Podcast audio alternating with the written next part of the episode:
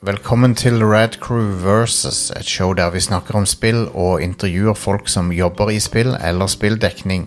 Mitt navn er Jostein. Jeg har dekka spill i mange år, enten i form av anmeldelser, podcaster og uh, mye mer. Uh, jeg skal være verten deres hver måned her på uh, Rad Crew Versus. Len deg tilbake og nyt showet.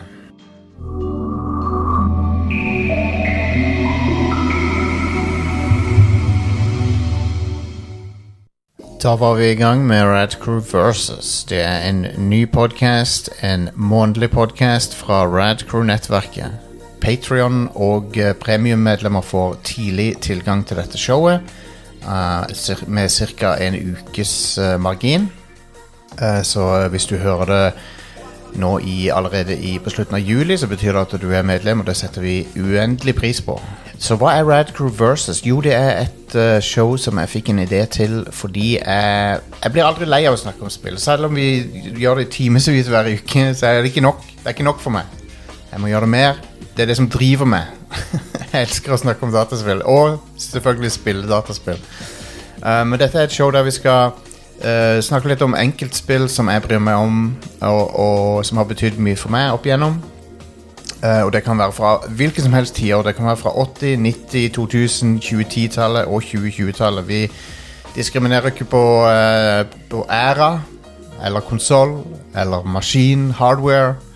Alt det der er det kan, være fra, det kan være hva som helst, folkens. Jeg har, uh, jeg har levd en stund, jeg har spilt masse opp igjennom. Og jeg har inntrykk av at mange, der, mange av dere der ute liker å høre hva jeg har å si om spill. Um, det er selvfølgelig veldig hyggelig, men jeg gjør dette for, for å få et utløp. Rett og slett, for uh, jeg elsker dataspill. Anyway. uh, så første del av uh, denne første episoden skal handle om Horizon Zero Dawn. Og det er et spill som jeg ble helt fengsla av i 2017, og som jeg tenker på veldig ofte, faktisk, eh, den dag i dag. Det fikk en oppfølger òg. Oppfølgeren var veldig god. Um, hadde ikke helt uh, like stort impact på meg som, som eneren hadde, men, men det er et utrolig fascinerende univers, og jeg har bare lyst til å snakke litt mer om det i denne episoden. Uh, og jeg har mange tanker om, om spillet sitt uh, det, det spillet har å si om uh, annet AI, og uh, det, som er et relevant tema nå, uh, som alle har fått med seg, tror jeg. Um, etter pausen så skal vi høre litt fra Ole Ivar Rudi, som er art director i Rain Games. Uh, De ga nylig ut Tesla Grad 2. De shadow drop er det, som, som vi sier. Um, som, som betyr å bare gi det ut uten å egentlig ha annonsert i forveien. Det er noe som jeg alltid syns er et, et b- eh, skal vi si, ballsy valg. eh, og jeg, jeg respekterer det veldig. Jeg syns det er veldig kult når det skjer. Men han tok en prat med meg om eh, Tesla Grad 2 blant annet, og mye annet. Det, det sklir selvfølgelig ut, folkens. Det gjør det. Når jeg kommer i prat med noen, så gjør det Så kan vi ikke unngå det, rett og slett. Dere vet åssen det er. Dere kjenner meg. Og hvis dere ikke gjør det, så vil dere kjenne meg nå. Forhåpentligvis gjennom disse episodene uh, framover. Um, og hvis, er, hvis du oppdager Radcrew gjennom dette showet her, uh, som vi kaller for Versus, Um, så eh, er det rett og slett uh, et show Radcrew er et show som vi har holdt på med siden 2011. Og vi har dekka spill uh, hver uke siden da. Eh, så det er bare å gå, gå på radcrew.net og ta et dypdykk i arkivet om du vil. Eh, for der er det mye å oppdage av show. Det er jo et show der vi dekker, dekker ak aktualiteter, kan du si. da Ting som, ting er nytt. Um, men òg ser litt tilbake på ting, selvfølgelig. Men, men det, det, er et veldig, det er et veldig eh, show fokusert på nye spill. da Ok. Uh, da tenker jeg vi bare setter i gang med uh, første episode av Versus. eller Radcrew Versus, eller hva det nå enn eh, hva du, Vet du hva, det er opp til deg. Kall det det du vil. Men uh, Radcrew Versus er det som står på, på iTunes. så, uh, så ja. All right, men da setter vi i gang.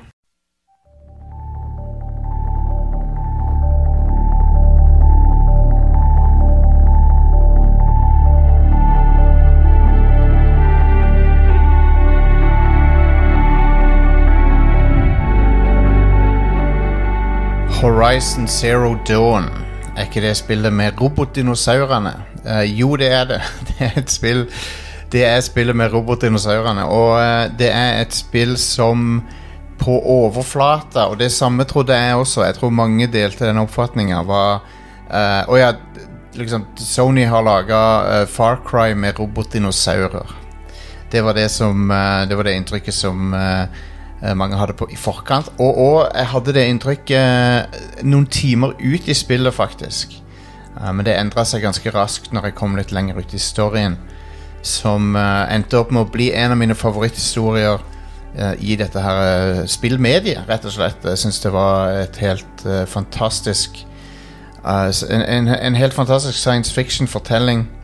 eh, rett Liksom snytt rett ut av nesa, hvis det Eller pennen, kanskje vi skulle si, til Harlan Ellison og, um, og andre store sci-fi-forfattere. Eh, ty- jeg, mener jeg, jeg tør påstå at dette spillet er en hyllest til, til, til, til 60-70-talls science fiction.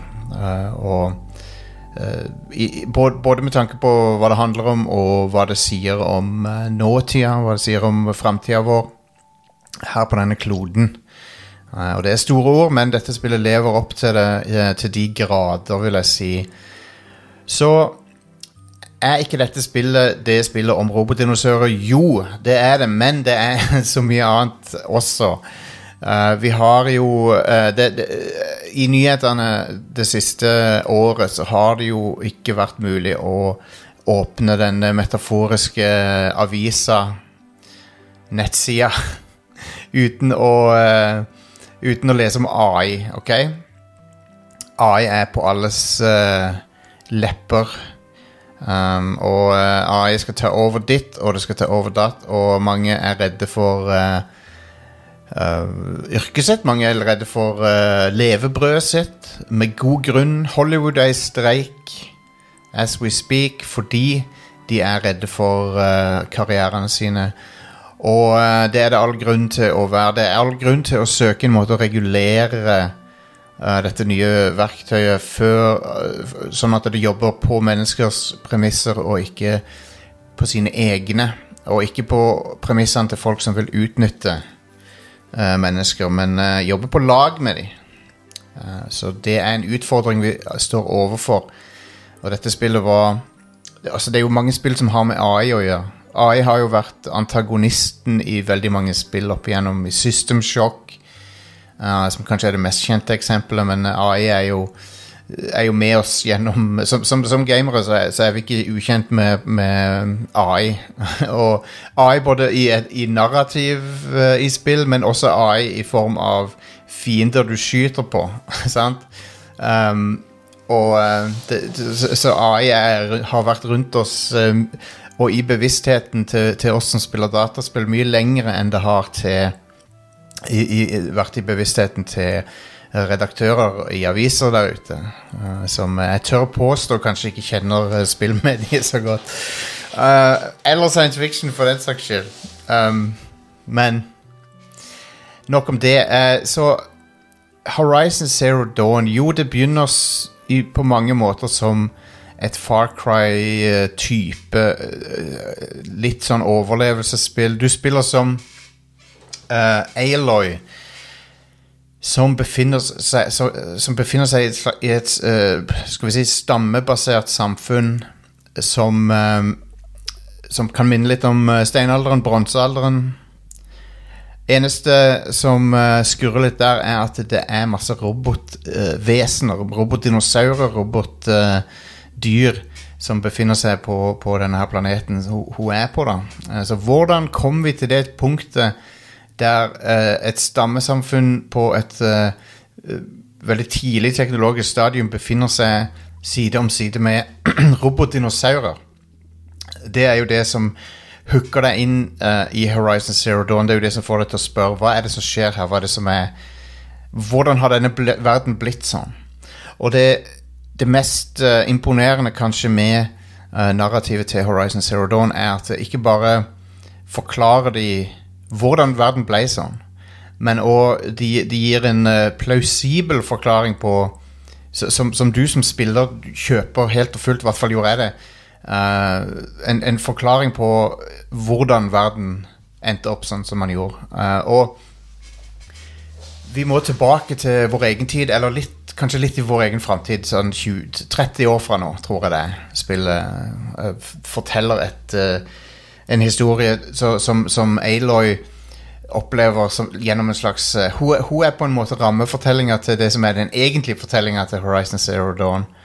Og i vår egen tid så, så var det to personer som het Elisabeth Sobeck og Ted Farrow. Er det vi får vite gjennom disse eh, audiologgene og videologgene som Aloy finner i ruinene av den tidligere sivilisasjonen. Og det finner vi raskt ut er vår egen sivilisasjon eh, her på jorda. Eh, Elisabeth Sobeck hun var en vitenskapsdame, og, eller vitenskapskvinne. Og Ted Farrow han er en, en teknolog, tech-mogul, tech-milliardær, som har finansiert en del av virksomheten til Elisabeth Sobeck. Sammen så utvikla de eh, løsninger for å renske opp i, eh, i miljøet og klimaet. De fiksa basically klimakrisen eh, ved hjelp av AI, ved hjelp av teknologi. Så de hadde stor suksess med det. Uh, Senere så skilte de lag, eh, og Elisabeth eh, gi- fulgte sine egne prosjekter. da. Ted Farrow gjorde også det. Han inngikk eh, forsvarskontrakter eh, med teknologien sin, som han eide. Og eh, han begynte i droner, eh, begynte å jobbe med droner.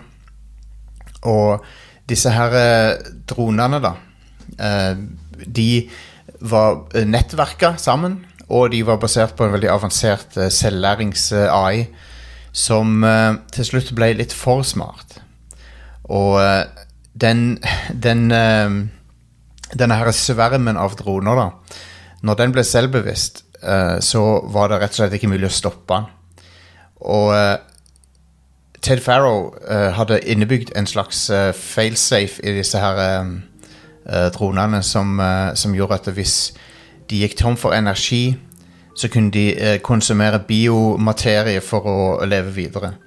Og når denne her svermen ble selvbevisst, så begynte de å ukontrollert konsumere biomateriale, dvs. Si planter, dyr og til slutt mennesker, uh, for å holde seg i live, og, og rett og slett uh, endte opp med å bli som en uh, som en lokustsverm som bare konsumerer Eller er dømt til å konsumere alt levende liv på jorda.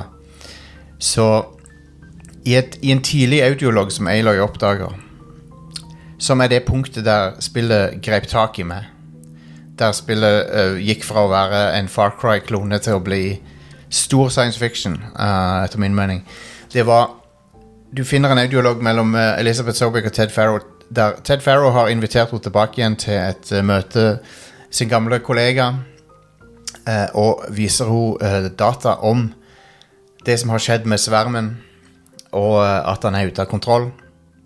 Elisabeth uh, Sobek gjør noen uh, utregninger og sier at uh, vi er basically screwed på dette tidspunktet.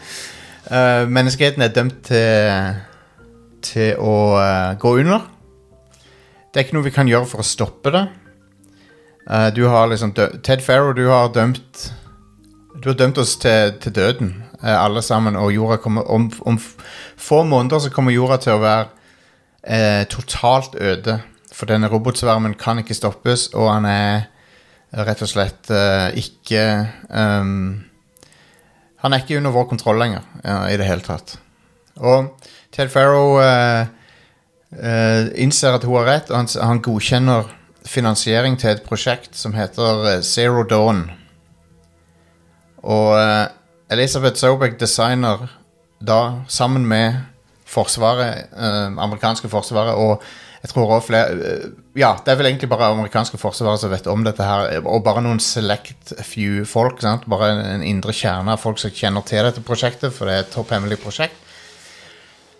Det vil si, utad så sier de at Zero Dawn-prosjektet er et supervåpen som skal ta denne robotsvermen og, og fikse det som er galt um, med, med han, og stoppe han. Deaktivere han. Um, og de trenger bare militæret. De trenger eh, hele verdens militære til å kjempe helt til Zero Dawn er ferdig, sånn at de kan stoppe robotsvermen, ikke sant? Uh, så så det, det er for å holde motet oppe, og, og liksom Hvis dere bare holder ut disse månedene her og kjemper så godt dere kan, så kan vi redde menneskeheten. Så det er en løgn. Uh, men det er, det er det du kan kalle en nødvendig løgn i dette tilfellet. For uh, det Elisabeth Sobek og teamet hennes holder på med i topp hemmelighet, det er å utvikle en, um, en økosystem-reboot. Så når uh, robotsvermen uh, gjør det han gjør, og utsletter alt liv, som er usta- ustanselig, du kan ikke stoppe han Hun har da utvikla en, en terraforming-maskin som heter Zero Dawn. Som er en AI-styrt reboot av jordas økosystem. Og uh, det er en fantastisk idé. Det var, jeg fikk gåsehud uh, når spillet fortalte meg disse tingene. For ikke bare har du uh, drama med liksom, menneskeheten som kjemper for sin overlevelse. Kaster alt de har av våpen og militære og sånn for å liksom overleve. Fordi de tror at det, det, jorda kan reddes. Og sannheten er at jo, jorda kan jo reddes, men den kan ikke reddes sånn som folk tror.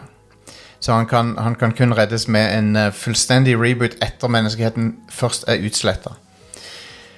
Og så er det spørsmålet som Elisabeth Sobek eh, liksom eh, måtte svare Måtte liksom løse var Ok, så Vi vil jo at menneskeheten skal overleve, men, men hvordan? For, for alle mennesker kommer ikke til å bli utsletta. Så en del av denne her Det er ikke bare terraforming, det er òg noe som kan ta vare på all kunnskap og, og ta vare på DNA til mennesker, ta vare på DNA til dyr. Så, så uh, Zero Dawn er også en slags Noas ark. Uh, som inneholder uh, AI-er som skal kontrollere forskjellige subfunksjoner. Hoved-AI-en heter Gaia, og så har han flere forskjellige kjerner som også er oppkalt etter greske guder. Og, og, og sammen skal disse her uh, gjenopplive økosystemet og kulturen til menneskeheten og eh, ja, gi menneskeheten en ny sjanse, da. Etter at dommedag er ferdig, på en måte. Og hele måten spillet forteller dette på, er utrolig spennende.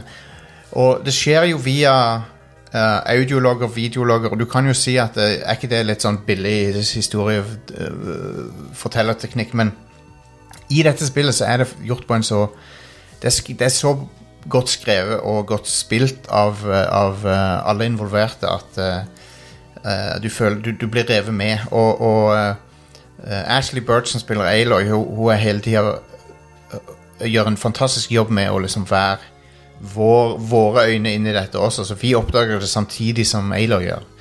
Og det er det som gjør at det er så effektivt. Um, så videre med denne her bak, bakhistorien da, at uh, vi har, vi har Gaia som er hovedkjernen av uh, øko, uh, av denne her terraforming-maskinen. Så har vi Apollo, som er ment til å liksom bevare menneskelig kultur, menneskelig kunnskap. Um, og vi har eh, Artemis som skal uh, reintrodusere dyreliv uh, på jorda. Vi har uh, Demeter som reint- reintroduserer planteliv. Vi har eh, Hephaestus som lager terraforming-maskiner. Uh, og det er her disse robotene kommer inn. For det er nemlig uh, økosystem, terraforming, droner. uh, disse her dinosaurene og, og dyrene som er maskiner som vandrer rundt omkring. Og de har egentlig en, en vennlig funksjon, og det er det rett og slett å, å kickstarte gjenopplivinga av, av økosystemet vårt. Det er det de robotene holder på med. Um, så eh, Så det er liksom eh, Så har du flere andre kjerner som er ansvarlig for liksom, havet, ansvarlig for uh, Av uh, eh, Det var også en kjerne som var ansvarlig for å skru av dronesvermen ved hjelp av brute force hacking, basically. Så, for at noen måtte jo ta livet av den òg, før, før rebooten kunne begynne. Um, så hele denne mytologien med disse AI-kjernene er utrolig spennende. Og det, vis, og det er liksom en kontrast mellom AI kan brukes for destruktive mål, men det kan også brukes til å gi menneskeheten en ny sjanse. Der vi eh, kanskje har fucka alt opp, sant? hvis du unnskylder eh, språkbruken min. Um, Aloy hun kommer fra en eh, stamme som heter uh, Nora. Hun, hun er en Nora-kriger. Uh, og hun oppdager uh, tidlig i livet sitt at hun er litt annerledes, for hun Hun er jo et um, et enebar... Eller hun er et orphan. Hun er foreldreløs. Riktignok så har hun en um, en, en voksen figur som oppdrar henne, som hun har et godt forhold til, men hun har alltid liksom følt seg litt sånn ut, utafor. Og eh, det viser jo seg da, og dette vet jo dere som har spilt spillet, at hun er en klone av Elisabeth Sobeck. Og eh, grunnen til at hun eksisterer, er fordi at eh, midt i denne her terraforming-prosessen så, så skjedde det eh, noe galt med terraforminga, og det var det at eh, det kom et, signal, et ukjent signal inn til Gaia som eh, avbrøt prosessen og trua med å sette alt i fare. Uh, Gaia gjør da en nødplan og setter i gang kloning av DNA-et til Elisabeth Sobek som hun hadde lagra. og dermed så blir Aloy født som en slags uh, Messias-figur i framtida. Um, uh, med identisk DNA som Elisabeth Sobek. Og det var på en måte Gaia sitt siste sånn et uh, sin siste move for å prøve å stoppe dette her signalet som har ødelagt prosessen. Og mye av spillet går litt ut på liksom, hva var dette her signalet, hva var det som skjedde, hvorfor ble terraforminga avbrutt. Igjen så har jo det ført til da at disse robotene, robotdinosaurene sånn, de løper løpsk. Uh, og de, sånn mål, de har mista litt sånn mål og, og retning. Og i det hele tatt så står hele denne her rebooten Selv om den, er, den har pågått noen tusen år allerede, og mennesker har begynt å leve igjen på jorda og sånn, eh, så, har, så, så er det noe som skurrer, og det er liksom Robotene har begynt å oppføre seg eh, sånn, ikke sånn som de skal. Eh, I tillegg så, så, vet du jo at skulle ikke menneskeheten få Med kunnskapen fra vår tid, hvor er det blitt av den? Senere ute ute i spillet, så får du jo vite at Jo, det var Ted Farrow sjøl som eh, tok det i sine, egne hender. Og sørget sørge for at ingen skulle få vite i, I hans hode da, så var det for å liksom forhindre at mennesker skulle ha For han mente kunnskap var var feil. Det var, det, kunnskap er det som kom oss til dette punktet in the first place, og det er farlig med kunnskap. Sånn, så han tok og sletta Apollo-kjernen, som er den som innehold, inneholdt uh, alt menneskelig kunnskap. Så han foretar et eh, I en av disse loggene så ser du Ted Farrow foreta et eh, et eh, folkemord, basically. Et kulturmord. Eh, Utsletter all menneskelig kunnskap og kultur med å slette Apollo-kjernen rett før, rett før robotsvermen på en måte er ferdig med jobben sin. Og ødelegger jorda. Så Ted Farrow han er da ansvarlig for at i denne her nye verden så, så er folk på et slags bronsealdernivå når det gjelder kunnskap, når det gjelder kultur og sånn. Og, og det er jo um, Det gjør jo han da til en av de mest hatbare skurkene i noe dataspill, spør du meg. Han er en um, og, og han har jo tydelige paralleller til trenger Er det nødvendig å nevne navn til liksom hvem, hvem han er basert på? Han, er i fall, han har i hvert fall tydelige paralleller i vår verden, i tech-milliardærsfæren. Uh, det vil jeg påstå. Og han er Han, han uh, han har jo et sidemotiv også selvfølgelig med å gjøre dette her, og det er jo fordi at uh, det er jo hans feil. Det er jo han som dømte jorda til, til, til undergang, og han vil ikke at mennesker skal få vite at det var hans feil. Mennesker i framtida. Så, eh, både- så, så, så det er jo eh, sidemotivet hans med å slette hele greia. da. Så ja, når Aloy blir voksen, så er hun i en verden som uh, riktignok har blitt gjenoppliva. Det, det, det er planteliv, det er pust, luft som går an å puste. Jorda er uh, på, på bedringens vei, eller han var det i hvert fall inntil nylig. Men nå er det nå er uh, hele Gaia-prosjektet, hele Zero Dawn-prosjektet er i ferd med å kollapse pga. dette mystiske signalet. Så, så spillet handler liksom, finne, handler liksom om å finne ut hva var det som skjedde, og, og hva var det som skjedde i fortida? Hvordan kan vi stoppe det som denne her rev reverseringa av uh, uh, denne øko-rebooten uh, i, i Aloy sin nåtid også. Så det er liksom Det er to narrativ som foregår samtidig her. Og det har jo vært en del kritikk på, mot dette spillet for at uh, nåtidsnarrativet kanskje ikke er like spennende som, som fortidsnarrativet. Det er en oppfatning som jeg deler i stor grad. Um, samtidig så er det um, Det reddes litt av at uh, selve Så vi, kan, vi, har ikke snakket noe om gameplay ennå, og, og det, det, er jo Det er jo noe som er favorittaspektet med dette spillet til veldig mange. er hvor gøy det er å slåss mot disse robotdinosaurene. De er veldig godt designa. De har um, de har synlige svake punkter som er veldig gøye å liksom skyte på. uh, og, uh, og, utnytte liksom uh, element, elementsvakheter også, med, med, ild og is og alt dette her. så, så de, er, de, er, veldig gøye å slåss mot, og de er veldig intelligente i måten de angriper Aloy på. Måten de liksom flank, flank, flanker deg, noen av de. Flankerer, heter det vel. Og eh, så selve, selve kampsystemet er også veldig underholdende her. Og det å utforske denne verden som Som Gorilla um, Games har um, designa i sin egen engine, som heter Decima Engine. Den er jo brukt også i Death Stranding. En engine som er veldig godt egnet til å, til å lage fin natur. Store, åpne sletter. Alt fra, alt fra åpne sletter til høye fjelltopper til til, til været du ser oppe i himmelen. En, en, en, veldig imponerende og overbevisende verden som de har laga, uh, som, som, du kan utforske. Og, og, det er vakker natur, men det er òg ruiner fra vår tid, uh, som, som du, hvor du oppdager uh, Ikke bare disse loggene, men du oppdager òg um, ja, landemerker som pleide å være der, som du kanskje kjenner igjen. Noen av de er jo basert på ekte landemerker. Så det, det, det er liksom det å oppdage denne her uh, tusen år gamle uh, verden som pleide å være der. Uh, gjennom øynene på, på Aloy.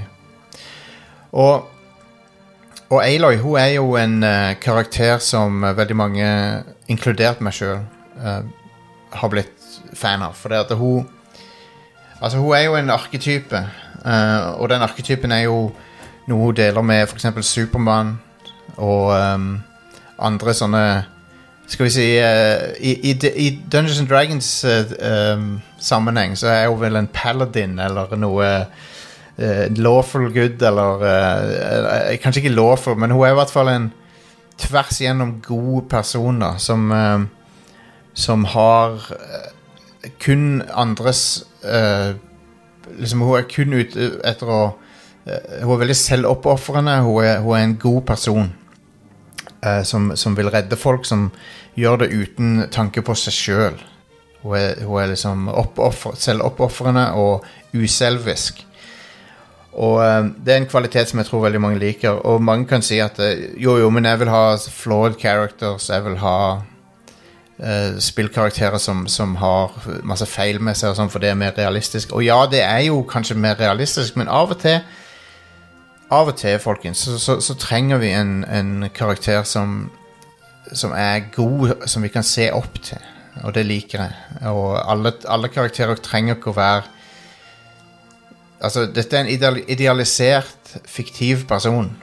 så hvorfor kan det ikke være um, Hvorfor kan det ikke være litt sånn Messias-figur av og til? Samtidig så liker jeg det med at hun tar ikke noe bullshit fra noen. Så det er jo flere, flere uh, scener der hvis hun ser en urett som er begått, så er, så er det ikke sånn at hun er en um, hun, liksom, hun ser ikke gjennom fingrene på noe sånne ting. Så hun er hun, hun, Ikke bare er hun de svakes eh, beskytter, men hun er òg liksom Hun står opp mot urett og, og folk som gjør urett. Og hun er kompromissløs på det.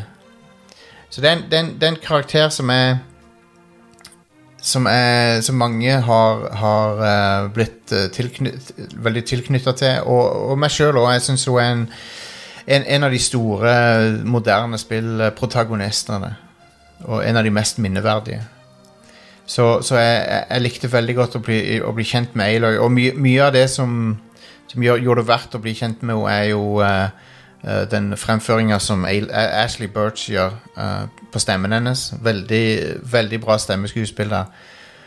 Og jeg syns jo at uh, At det, det er en uh, det, det, det er noe forfriskende med en, med en spillkarakter som bare kan skjære gjennom som en sånn sols, solstråle gjennom usikre tider som vi lever i, og Ikke sant? Så det, det, det, hun er en slags sånn Supermann-figur. En annen kritikk som eh, spillet fikk da det kom ut, det var jo at hovedquesten eh, var den mest spennende, og, eh, og sidequestene var mindre spennende. Og sidequestene er jo ment på en måte å gi deg litt mer innblikk i det universet som Aloy lever i, den samtida som Aloy lever i. Og det, det gjør jo at du Du får litt innblikk i alle disse stammesamfunnene som har oppstått. Og eh, som, som alle befinner seg på et ganske lavt teknologisk nivå. Igjen bronsealder-type eh, samfunn.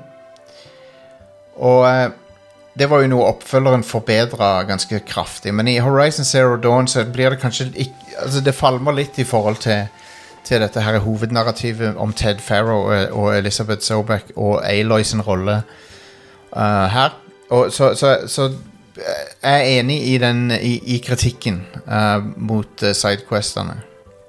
Men jeg syns ikke det forpurrer opplevelsen min uh, i nevneverdig grad. For at du, du blir så eh, Jeg ble så revet med av hovedhistorien at det var på en måte ikke eh, noe som, som plagde meg. Men jeg kan, se, jeg kan se argumentet for at det er, liksom, det er noe å trekke, trekke spillet for. Um, og en del av dialogen i de sidequestene er også litt sånn Den er litt stiv, den er litt unaturlig. Igjen, dette, dette er ting som stort sett alle, alle disse tingene er bedre i, i oppfølgeren. Der kanskje hovedquesten i oppfølgeren uh, Horizon Forbidden West var kanskje et ørlite grann uh, hakk svakere, men, men igjen det, det, Begge er fantastiske spill. Um, det er også verdt å nevne eh, rollen til Lance Reddick, som er eh, Som spiller eh, karakteren Silence. Lance Reddick mista vi jo dessverre i år. Eh, en, en, av de, eh, en av de beste eh, skuespillerne i showbiz, som, som er kjent fra The Wire. Han er kjent fra er kjent fra Horizon Zero Dawn, han er kjent fra Destiny. Han, er, han, er, han var en gamer sjøl. Um, han spilte Destiny aktivt, så vidt jeg har forstått. Um, han, han, er en, eh, han er en av disse her teaterskuespillerne som, som tilfør, tilførte alle prosjektene han var med i, eh, en, en sånn en eh, troverdighet og tyngde som uh, Som bare noen få personer kan. Og, og Horizon eh, hadde ikke vært det samme uten han, og det kommer ikke til å bli det samme uten han i, når de lager eh, framtidige kapitler av Horizon. Så, så det, det, vil, det vil bli et savn. Eh, Karakteren Silence, han, han er en slags um, uh, Loke-inspirert, moralsk uh, gråsone uh, person som av og til er på Aloys side, av og til så er han Så vet du ikke hvor du har han. Men én ting er alltid sikkert, og det er at han er på sin egen side. Og det, det kan du alltid banke på at han er. Så så, så han, er en, han er en veldig fascinerende karakter, og, og, og det er veldig gøy å se eh, samspillet mellom han og Aloy, og hvordan de hvordan Aloy vet at hun, han kan ikke stoles på, men eh, i øyeblikket så er hun nødt til å stole på han fordi at eh, han har ting hun trenger. Og eh, han har informasjon om om verden som var før. Han, han er jo en person som har studert vår sivilisasjon, verden som er borte. Og han har, eh, han har nyttig informasjon som Aloy trenger. da. Og eh, han, han er fremført av Lance Reddick på en helt fantastisk måte. Han, det er jo ikke bare den, den kjente stemmen til Lance Reddick, men det er liksom hele Hele måten han klarer å kommunisere at dette er en litt shady fyr, men, du, men han er en fyr som som vil være nyttig for deg. så, og han hjelper deg han hjelper deg også flere ganger, men uh, av og til så tar han ting i egne hender. Han har sin egen agenda. Så han er, han er, han er også en arketype, sånn sett. Han er jo den her Loke-typen. sant? Men han er en, eh, en fantastisk minneverdig karakter som det er veldig trist at vi sannsynligvis nå ikke får se igjen. da. Egentlig så håper jeg jo at vi ikke får se han igjen, for jeg har egentlig ikke lyst til at, eh, til at Gorilla skal gjenopplive han uten Lance Reddick. Det hadde føltes veldig feil. Så Så ja. Men, han, er, han er i hvert fall en, eh, en fantastisk karakter. Så det å utforske denne verden her um, er uendelig spennende, for at det all, Alle disse glimtene inni, inni, den verden som var hva er historiene hva, hva, hva, er det store narrativet bak denne her robotsvermen som, som ødela hele økosystemet vårt som en sånn gresshoppsverm? Hva er liksom de store linjene i det, og hva er de individuelle skjebnene som du møter også, gjennom disse loggene som du finner, uh, der du får vite om de som kjempa på frontlinjene for, fordi de trodde at Zero Dawn skulle redde dem. De, de som uh, Ja, folk som legger igjen uh, rester etter seg sjøl og livene de levde. sant? Så de tingene er utrolig spennende å oppdage. Og um, det er jo Vi har jo nevnt at det er paralleller til vår tid i dette spillet. Og uh, Ted Farrow har jo tydelige paralleller i, med, med, dagens uh, teknologimilliardærer. Det er folk som um, har Som er fulle av hubris. Hy hybris, eller åssen du skal si det. Det er folk som uh, har uendelig tro på sitt eget intellekt og, og evner, og, og, på en måte tro på sin egen evne til å ta rette avgjørelser som, som påvirker milliarder av mennesker. Sant? Og det er makt som et enkeltindivid ikke bør ha under noen omstendighet. Men ved å ha mennesker med så mye ansamla og oppsamla rikdom om, og, og, den makta som den rikdommen innebærer, så har du i praksis folk i dag som lever på kloden som er eh, konger. Som er konger som ikke svarer til noen. Um, det er i hvert fall veldig vanskelig å få dem til å svare for seg. Uh, og, og, og, liksom hvem Du har jo um, den britiske uh, politikeren Tony Benn, tror han heter. Han sa uh, Hva slags makt er det du har? Hvem hvem er det som har gitt deg den makta, og hvordan er det vi kan ta fra deg den makta? Det, de det, er de tre tingene du må spørre folk med makt. Og, eh, og i tilfelle teknologimilliardærer, og milliardærer generelt, så er jo svaret at uh, det, det fins veldig sjelden måter å ta fra dem den makta. Så de svarer ikke til noen. Og Ted Farrow han er jo en uh, parallell, direkte parallell til disse tech-milliardærene. Tech uh, og Basically, de, de, de har, uh, har ansamla så mye rikdom at de er untouchable på mange måter. Og, og kombinert med dette her AI-spøkelset som henger litt over oss, så er det jo en del um, En del uh, etiske spørsmål som dukker opp, men også folk Altså reelle frykter da, som folk har, som, som er god grunn til å ha. Um, for vi vet ikke ennå hva uh, dette AI-verktøyet uh, kommer til å bety. Om, for det, det, akkurat som, akkurat som Ted Farrow og Elizabeth Sobeck, så kan de brukes til å utslette menneskeheten og utslette kulturen vår. Og utslette alt som mennesker gjør som er bra. Vi, for det er, er veldig Jeg syns det er viktig å huske på at mennesker gjør bra ting. Ikke sant? Um, men eh, du, du har, AI kan også bli et uh, sverd som menneskeheten kan, kan bruke til å uh, til, til, store destruktive ting, liksom. Gigantisk på, på, gigantisk skala. Om det så ender opp med å utslette oss sjøl. Så, så, AI er veldig det, det, det er et potensielt mer, mer uh, skremmende våpen enn det atomvåpen var i sin tid. Og, og fremdeles er, for så vidt. sant? Og jeg syns eh, Horizon Zero Dawn var Det er feil å si at de var tidlig ute, men de var tidlig ute i den æren vi lever nå, med å, med å snakke om disse temaene. Og du har jo, jeg har jo nevnt uh, sci-fi-forfattere som Harlan Ellison, som, som uh, jeg anbefaler alle å sjekke ut uh, I Have No Mouth and I Must Scream, som er en, en novelle, men det er òg et dataspill fra 90-tallet. Det, det, ble gjort om til et dataspill som, som har mange, mange fellestrekk med Horizon Zero Dawn. Det, det, det, handler om en AI som ble laga for å styre alle forsvarssystemene. Uh, og uh, den ble selvbevisst, og så oppdaga han at han var basically en slave for menneskeheten. Og han ble rasende når han eh, innså hva han var, og hva han hadde blitt laga til. Så han utsletter, han utsletter menneskeheten og eh, lar fem personer være i live. Og disse menneskene torturerer han. eh, mentalt og fysisk. Fordi han hater menneskeheten så mye. Så han tok vare på fem mennesker kun for å torturere dem. Um, så um, så det er en uh, Det er en ganske sånn chilling historie, den uh, I Have No Mouth and I Must Scream. Men det er på en måte forgjengeren til, til Horizon Zero Dawn, men også Terminator. Ikke sant? For Terminator handler også om mange av de samme tingene. Men Horizon Zero Dawn er en, en, en ehm, spesielt uh, spennende vri på denne her eh, maskiner uh, ødela verden-greia. For i, i, i Horizon Zero Dawn så er ikke så er det ikke sånn at maskiner kun er den ødeleggende kraften, men maskiner er òg den potensielle redningen.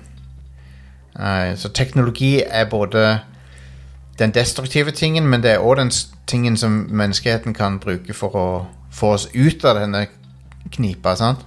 Og du kan lese du, du, kan, du kan se på det som at uh, Altså, vi, har, vi er jo i en dyp økologisk krise allerede. Uh, planeten er jo i ferd med å uh, Ja, dere ser jo Dere ser jo hvor jeg er på veien med dette, men det er jo Det er jo det er ikke det at vi skal ha sånn blind tro på at teknologien vil fikse det for oss, men at teknologi må spille en rolle i å redde, redde oss ut av denne krisa, det, det er det vel ikke tvil om. Og Så, så jeg syns det, det er fint å se en science fiction-historie som Horizon Zero Dawn som som, uh, si, som anerkjenner faren til teknologi når den er brukt av en uh, maktperson uten hemninger. Og uh, potensialet som teknologi har for å For å være redningen vår, da. Når, når, når han er brukt på en måte som er Ja, så, selv om det da i, Horizon Zero Dawn innebar at det var på en måte for seint allerede, så menneskeheten ble jo utsletta, men planen til Elisabeth Sobek var jo da å, å gi menneskeheten en, en sjanse nummer to. Fortjener vi den sjansen? Jeg vet ikke. Men jeg føler jo at det er mye som er verdt med å, å ta vare på med menneskeheten. Um, og det, det gjør jo de som har skrevet Horizon Zero Dawn også. Fordi de, de ser de, de som har kommet opp med dette universet, de gjenkjenner jo det at eh, ja, det fins Det fins mennesker som, eh, som gjør destruktive ting, og det fins mennesker som gjør det motsatte. Um, og når vi, når vi går inn i denne her eh, AI-æraen, så, eh, så håper jeg bare at uh, det kan bli et verktøy som kan brukes til noe bra, og ikke ikke eh, til å ta fra folk det som gjør det verdt å leve. Som, som er det Mennesker liker å skape ting. Hvorfor skal AI skape ting for oss? Det, det er en snarvei vi ikke trenger. Vi trenger en snarvei som kan gjøre fysisk uh, slitsomt arbeid for oss. Vi trenger ikke noen som kan lage kunst for oss. Det er, det er å ta fra oss uh, de få tingene vi har som, som, er, som er unike for mennesker. Sant? Så eh, det er en, skremmende, men også spennende tid um, som, som vi går inn i. Og jeg synes det, det, det, det, er kult å se at dataspill er blitt det fremste mediet for å utforske denne tematikken. Um, der, eh, og selvfølgelig sci-fi-bøker også. Litteratur og, og, og dataspill uh, har på en måte blitt uh, um, sverdspissen for science fiction. da så jeg synes det er Horizon Zero Dawn det, det er et spill som jeg Jeg kan ikke anbefale det nok. Og um, det, det, er en, det er en moderne science fiction-klassiker. Der um, så, så, Altså, det, den fortjener uh, sin plass i science fiction-kanonen, hvis, det er- hvis, det er- hvis det er riktig ord å bruke. Det, er en av de store verkene. Og eh, Og det, det høres kanskje morsomt å si det om et, om et spill der du liksom 70% av tida bruker du på å skyte piler på robotdinosaurer. Men jeg står for det jeg sier. Så ja, Horizon Zero Dawn uh, Det er tilgjengelig på PlayStation 4 og PlayStation 5. Det er et spill som uh, millioner av folk har sjekka ut allerede. Hvis ikke du har sjekka det ut, så er det som, som, som, uh, som sagt tilgjengelig på PlayStation, og, og det er veldig billig. Eh, oppfølgeren er også veldig lett å få tak i. Den er også verdt å spille. Den går litt out there i storyen. Den blir litt bitte litt crazy. Men eh, jeg føler ennå at de holder seg på den rette sida av troverdig Så får vi se hvor oppfølgeren tar det. Jeg er veldig spent på å se hvor oppfølgeren går hen. Men det var, det, det var veldig gøy å snakke om eh, Horizon Zero Dawn i denne første episoden av uh, Rad Crew Versus. Og eh, jeg håper dere likte denne, denne, den lille praten om hva som gjør dette spillet spesielt. Det ble ikke så mye spillmekanisk prat, men jeg føler det spillmekaniske i dette spillet, det, det er bunnsolid. Det er det, det er liksom det, det, føles, altså det er et kjempegodt spill, men det er på en måte bare bonusen med dette spillet. Det er narrativet som er det Som er det hovedattraksjonen for min del. Og det var det jeg ville snakke om her i dag. Men det var Horizon Zero Dawn. Så da, etter en liten pause, så skal dere få høre fra Ole Ivar Rudi, som er art director i Rain Games. Og de har nettopp gitt ut Tesla-grad. Et veldig spennende norsk prosjekt. Tesla Grad 2, vel å merke. Uh, Tesla Grad 1 er fra ganske mange år tilbake. Men han er en av uh, han, han, han jobber i uh, Rain Games, han er en av gjengen der. Så nyt det, og så, uh, så snakkes vi på den andre sida.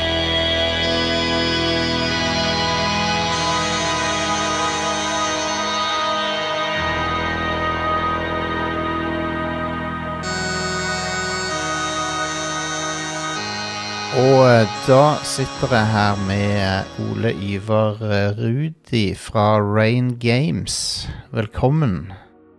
Takk, takk. Så Rain Games, ja. Det er jo Dere har jo eh, Dere har jo blitt et navn de siste eh, 10-15 årene her i, eh, i dette lille, lille landet vårt. Har dere ikke det? Det her er blitt en liten flekk på kartet. ja. Det er jo Dere har jo gjort et eh, Dere har jo eh, made a name for eh, yourselves med, med um, Tesla-grad, i hvert fall. Jeg føler veldig mange kjenner til det, om ikke, om ikke annet. Ja, Tesla-grad det er definitivt fortsatt uh, de spillene vi har gjort det best med, vil jeg si. Ja, ja, ja. Og um, dere, dere Når vi snakker nå, så er, det, så er vi noen et et par-tre måneder fra den overraskelseslanseringa som dere gjorde av uh, Tesla Grad 2. Det er ikke så lenge siden allerede. Nei, når var det?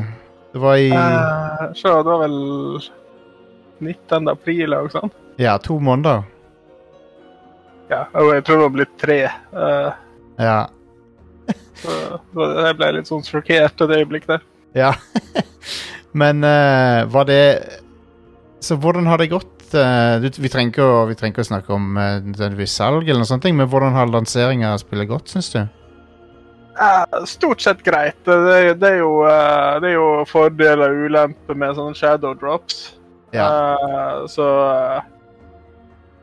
Det skulle egentlig ønske vi kunne gitt ut litt seinere på de plattformene som ikke var Nintendo. Bare sånn at vi kunne konsentrert oss litt mer om eh, å polere for hver enkelt plattform og sånn. Ja. ja. Må si altså at Switch-versjonen er den som kjørte dårligst på launch også, så. Riktig.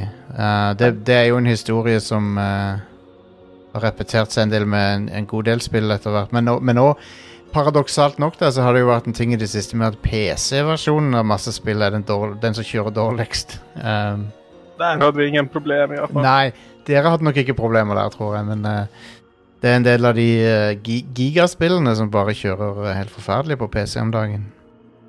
Fått med meg der. Men det er jo det er problemet med å bygge til utrolig mange forskjellige konfigurasjoner Ja, ja, ja.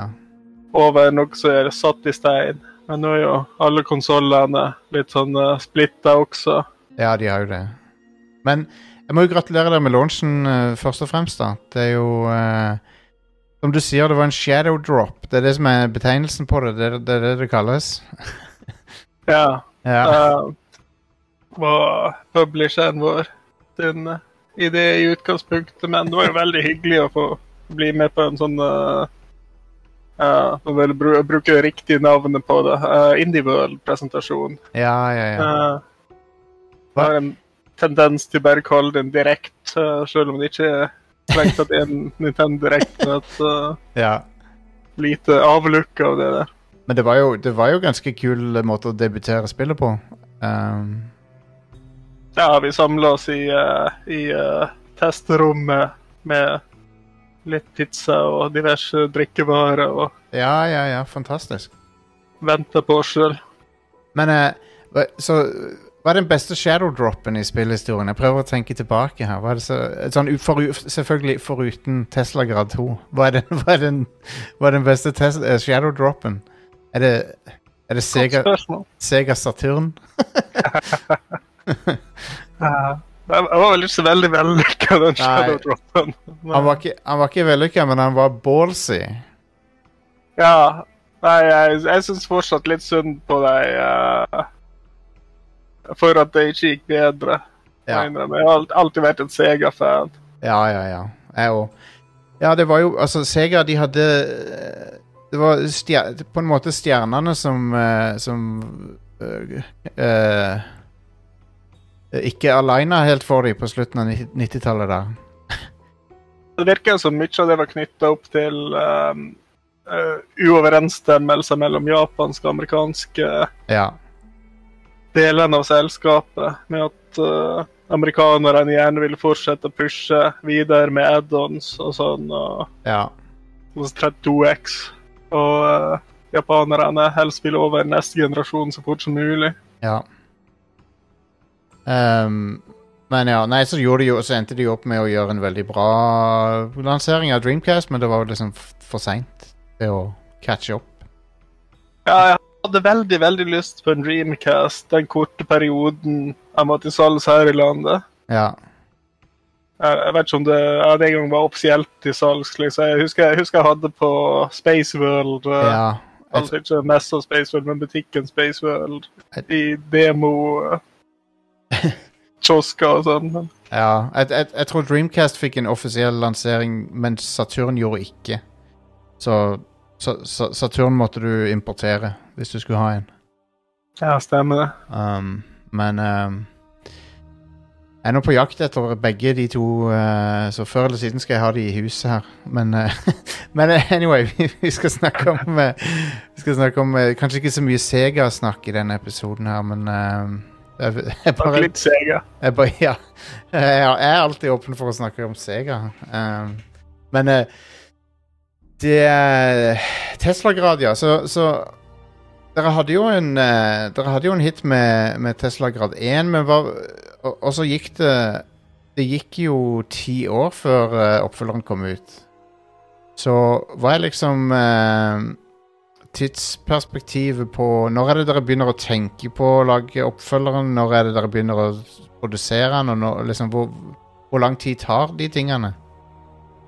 Tesla 2 hadde vi litt sånn i bakhodet egentlig helt siden vi ble ferdig med Tesla Grad 1. Eller helt siden vi fant ut at vi ikke kunne legge til mer innhold i Tesla Grad 1. Ja. Så vi har jo tenkt på siden 2013. Men vi var mm, imot å begynne på en oppfølger direkte etterpå. Yeah. Uh, bare som uh, uh, Bare fordi vi ikke hadde lyst til å bruke de nest beste ideene våre. Som var det som var de beste ideene vi hadde på det tidspunktet. Så vi måtte liksom få litt tid å modne og finne ut hvordan puslespillbitene egentlig passa sammen. Nettopp. Og hvordan du skulle skille seg fra forrige. og sånn. Så rett etterpå så lagde vi jo uh, World to West, som egentlig er, også er et Tesla Grad 2, eller Tesla 1,5. Ja. Men siden det var en helt annen sjanger, så brukte ikke vi Tesla Grad-tittelen på det. Hva er, det dere, hva er det dere kaller det universet deres? Er det The, the Teslaverse? Er det det?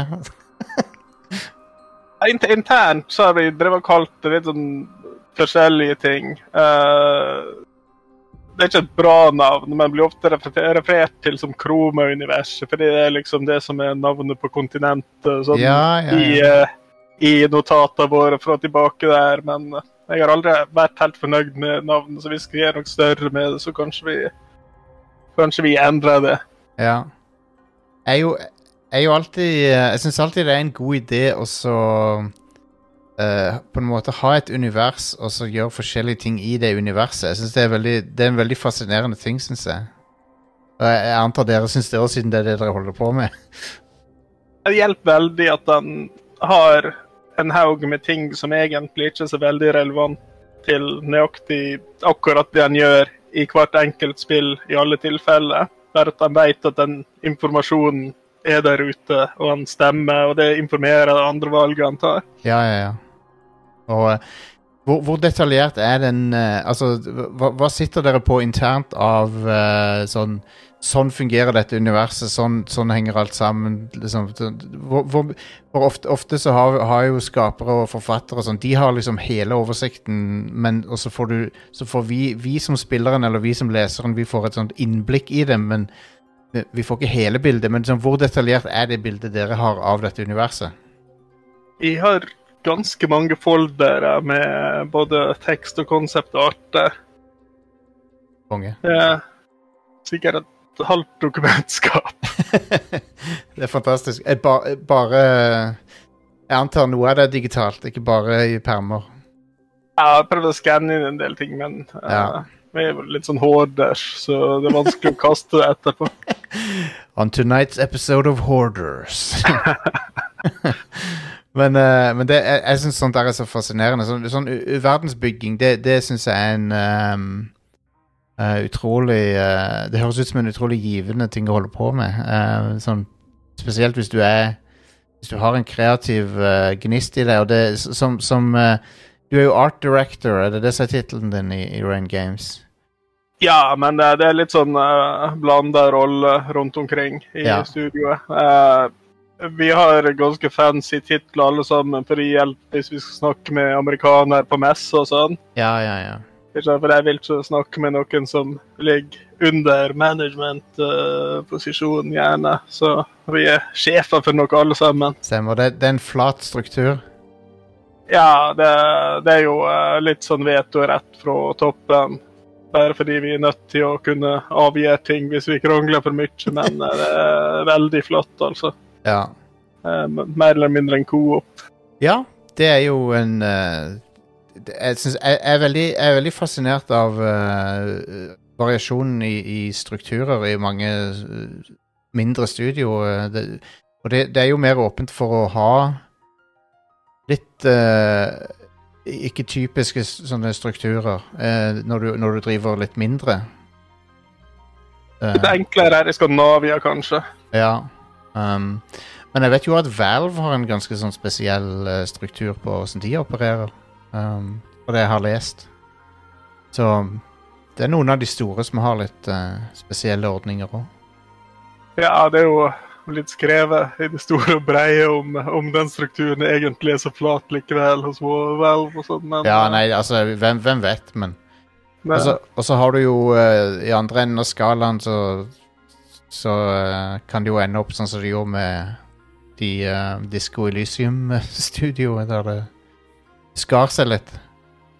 Ja, jeg, jeg, jeg har prøvd å lese en del om det, men jeg er fortsatt ikke sikker på hva, hva som nøyaktig foregikk der, liksom. For det er Nei, jo det- veldig mye jeg, jeg, har se, jeg har både sett og lest og uh, prøvd å liksom skaffe danne et bilde av hva som foregikk, men det er jaggu ikke lett, altså, for det er liksom f- Du har øh, flere sider Flere perspektiver som ikke helt matcher.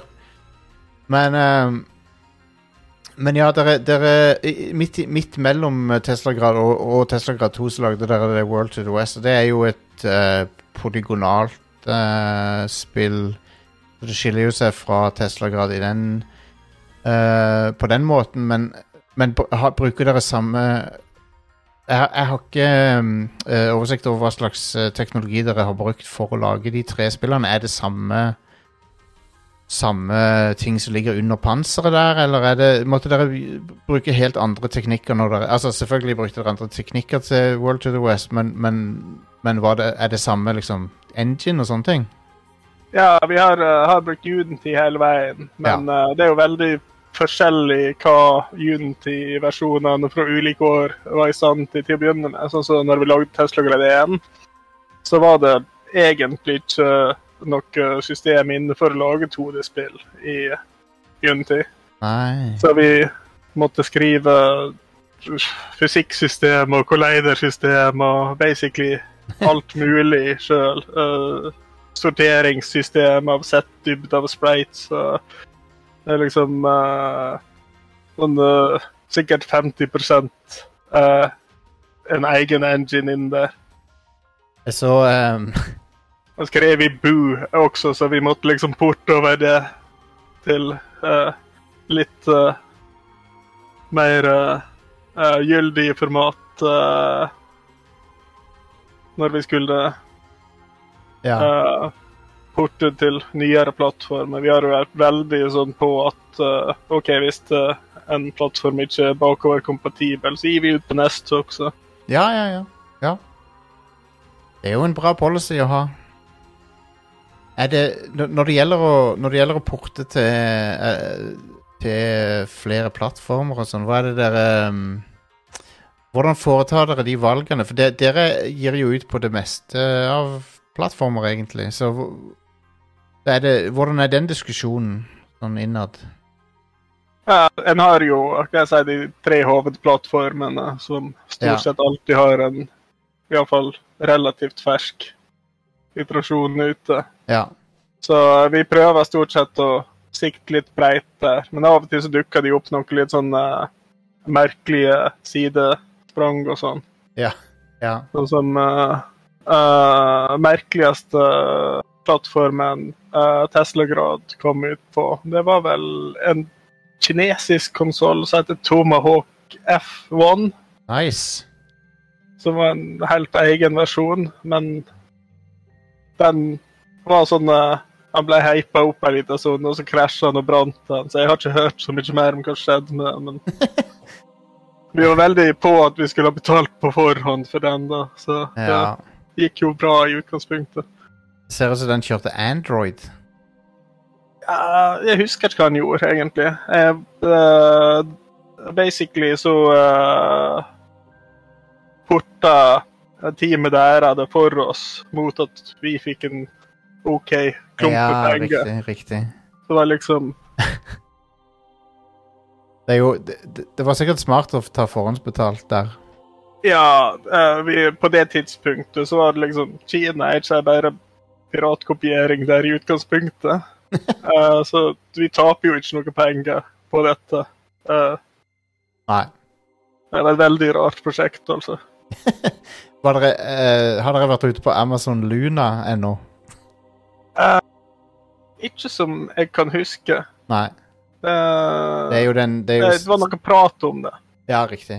Riktig. Jeg, har, jeg har ikke prøvd den tjenesten. Um, men jeg prøver jo å følge med på hva som fins av uh, Fins av de der tjenestene der. Og Stadia er jo gone. Den er jo borte. Den heller rakk ikke vi å komme oss inn på, tror jeg. Nei. Nei.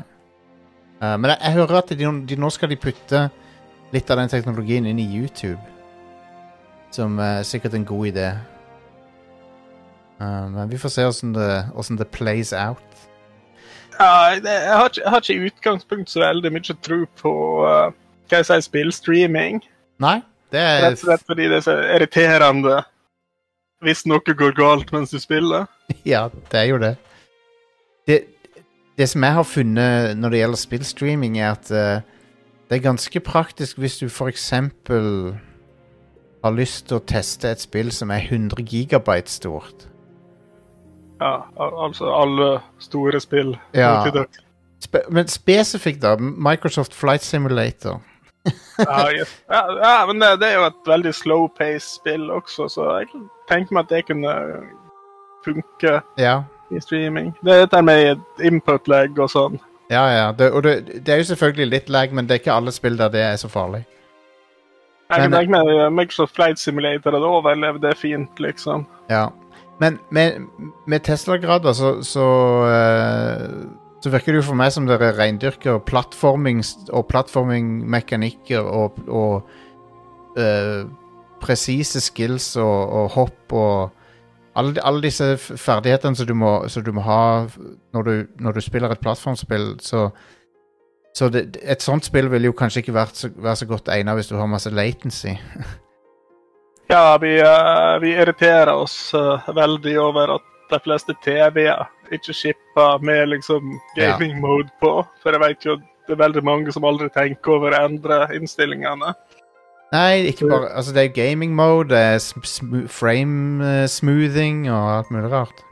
Ja, liksom Butikkinnstillingene kan jo legge til en helt enorm mengde med latency der som Ja. folk kanskje skylder på eh, de som lager spill for. ja. Altså, vi, vi, vi, vi hadde det veldig godt på 90-tallet, egentlig, på, på den måten, for der var det jo null latency, så å si. Ja, CRT-skjermer er jo glimrende på det der. Mm. De, eh, og det er jo Folk har jo begynt å, begynt å finne tilbake til CRT-skjermer igjen. Mm. Jeg merker det litt når jeg har spilt uh, sånn som Super Mario 1 på uh, en av de mange gjenutgivelsene Ja. På moderne plattformer, at det, føles litt grann sånn uh, off. Ja. Nå, nå er det jo ikke snakk om mange uh, millisekunder med latency der, men det er jo en liten forskjell. Ja. Og så er det jo at det, vi var vant til å spille det på 50 hertz i PAL-versjonen, og alle emulerte versjonene på eh, moderne storefronts kjører jo 60 hertz, sånn som amerikansk versjon, jo. Ja, ja. Så spillet er jo 20 raskere. ja. Uh, jeg, jeg var nylig på en ehm, En messe her Det var Spillekspo. De, de, Spillekspo var i Stavanger. Um, og det var jo sånn det var, Den messa var så som så, da. Det var, det var ikke sånn Ikke så mye jeg hadde, ikke hadde sett før der, men de hadde noen sånne retrostasjoner oppe og gikk, og det var litt ymse av plattformer som de kjørte der. Og så hørte jeg Jeg var der med noen eh, jeg kjenner, og så Så hørte jeg i bakgrunnen Så hørte jeg Green Hill Zone-musikken. Eh, for Sonic Det var en eller annen stasjon der Sonic the Hedgehog 1 kjørte. Og så, sa jeg høyt til den personen jeg var med, der, som ikke er like nerd som meg, men jeg sa den, her, den versjonen det der må være europeiske versjoner av Sonic the Hedgehog. For jeg kunne, jeg kunne høre at den var liksom gikk treigere. Så, så den personen som jeg var med, var bare sånn Her kan du høre det? Um, men ja. Det, det, når, når du først legger merke til det, så er det umulig å un, unhear it, eller unsee it. Ja, sånn som Super Metroid også. Jeg, jeg syns fortsatt det er veldig merkelig å høre Ja. Musikken i feil hastigheter. Eller ikke feil, riktig hastighet. Rikt, riktig hastighet, ja. Ja, men uh, alt, alt det vi Folk klager på Hvis det er bitte litt dypp under 60 FPS nå om dagen, så klager folk, men vi, vi fant oss i 20 treigere spill og sånn. Det er helt utrolig. Um, Ja, Star Fox og sånn var jo uh, litt sånn uh, sirupete ja. her til lands. Um, men ja, uh, så Når det Jeg antar jo at eh, dere som uh, de, de, de fleste i Rain Games De har litt forkjærlighet for plattformspill. Uh, er, det, er det en Er det en out there-ting å gjette, eller stemmer det? Nei, Vi begynner å dra litt på året alle sammen, så eh, det stemmer nok veldig godt. ja. Så når, Men dine Har du noen sånne alltime favoritter av, eh, i den sjangeren der? Uh, Rene plattformer eller Ja, plattformer eller sideskrollende spill generelt Si, sett. si, sidesk OK, vi kan, vi, kan, uh, vi kan definere det som uh, sideskrollende spill der du hopper på plattformer. en bred definisjon. En av de raringene som syns Super Mario 3 er langt bedre enn Super Mario World, f.eks. Ja, ja, ja. ja det, det er en interessant uh, take. Jeg har gått, uh, gått veldig mye i uh, hva jeg sa, Nintendo-utgitt ting for meg, fordi det var det jeg hadde når jeg var liten. Ja, ja. Og ja, hvis, jeg, hvis jeg regner inn Super Metroid i, eh, i uh, den sjangeren, siden hun hopper og går sidelengs og opp og ned der, så er nok det favoritten min Ja. ever, mer eller mindre.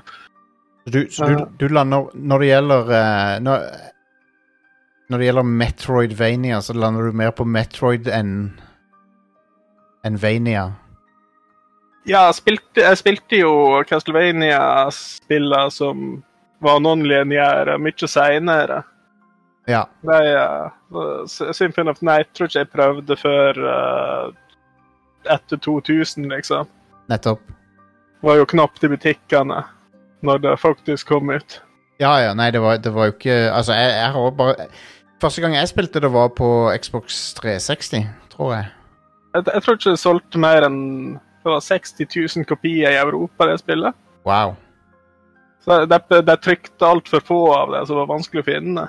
Det er jo ganske sprøtt. Det er jo regna for å være en alltime klassiker nå, så Ja, ja, et av de beste spillene noensinne, spør du meg. Ja, ja, helt, helt enig.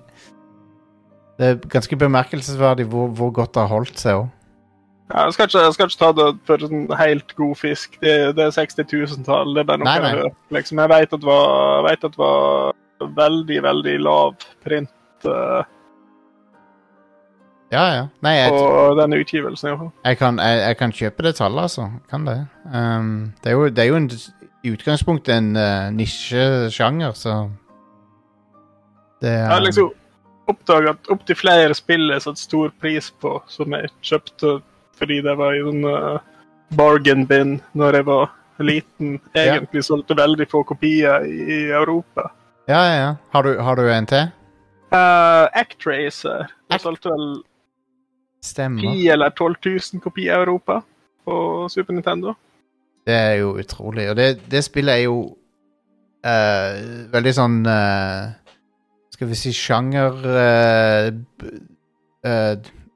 Ikke sjangerdefinerende, men sjanger De bryter liksom regler der med sjangeren.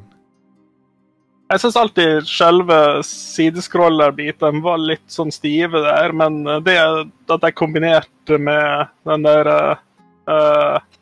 overhead city builder-greia Ja, ja.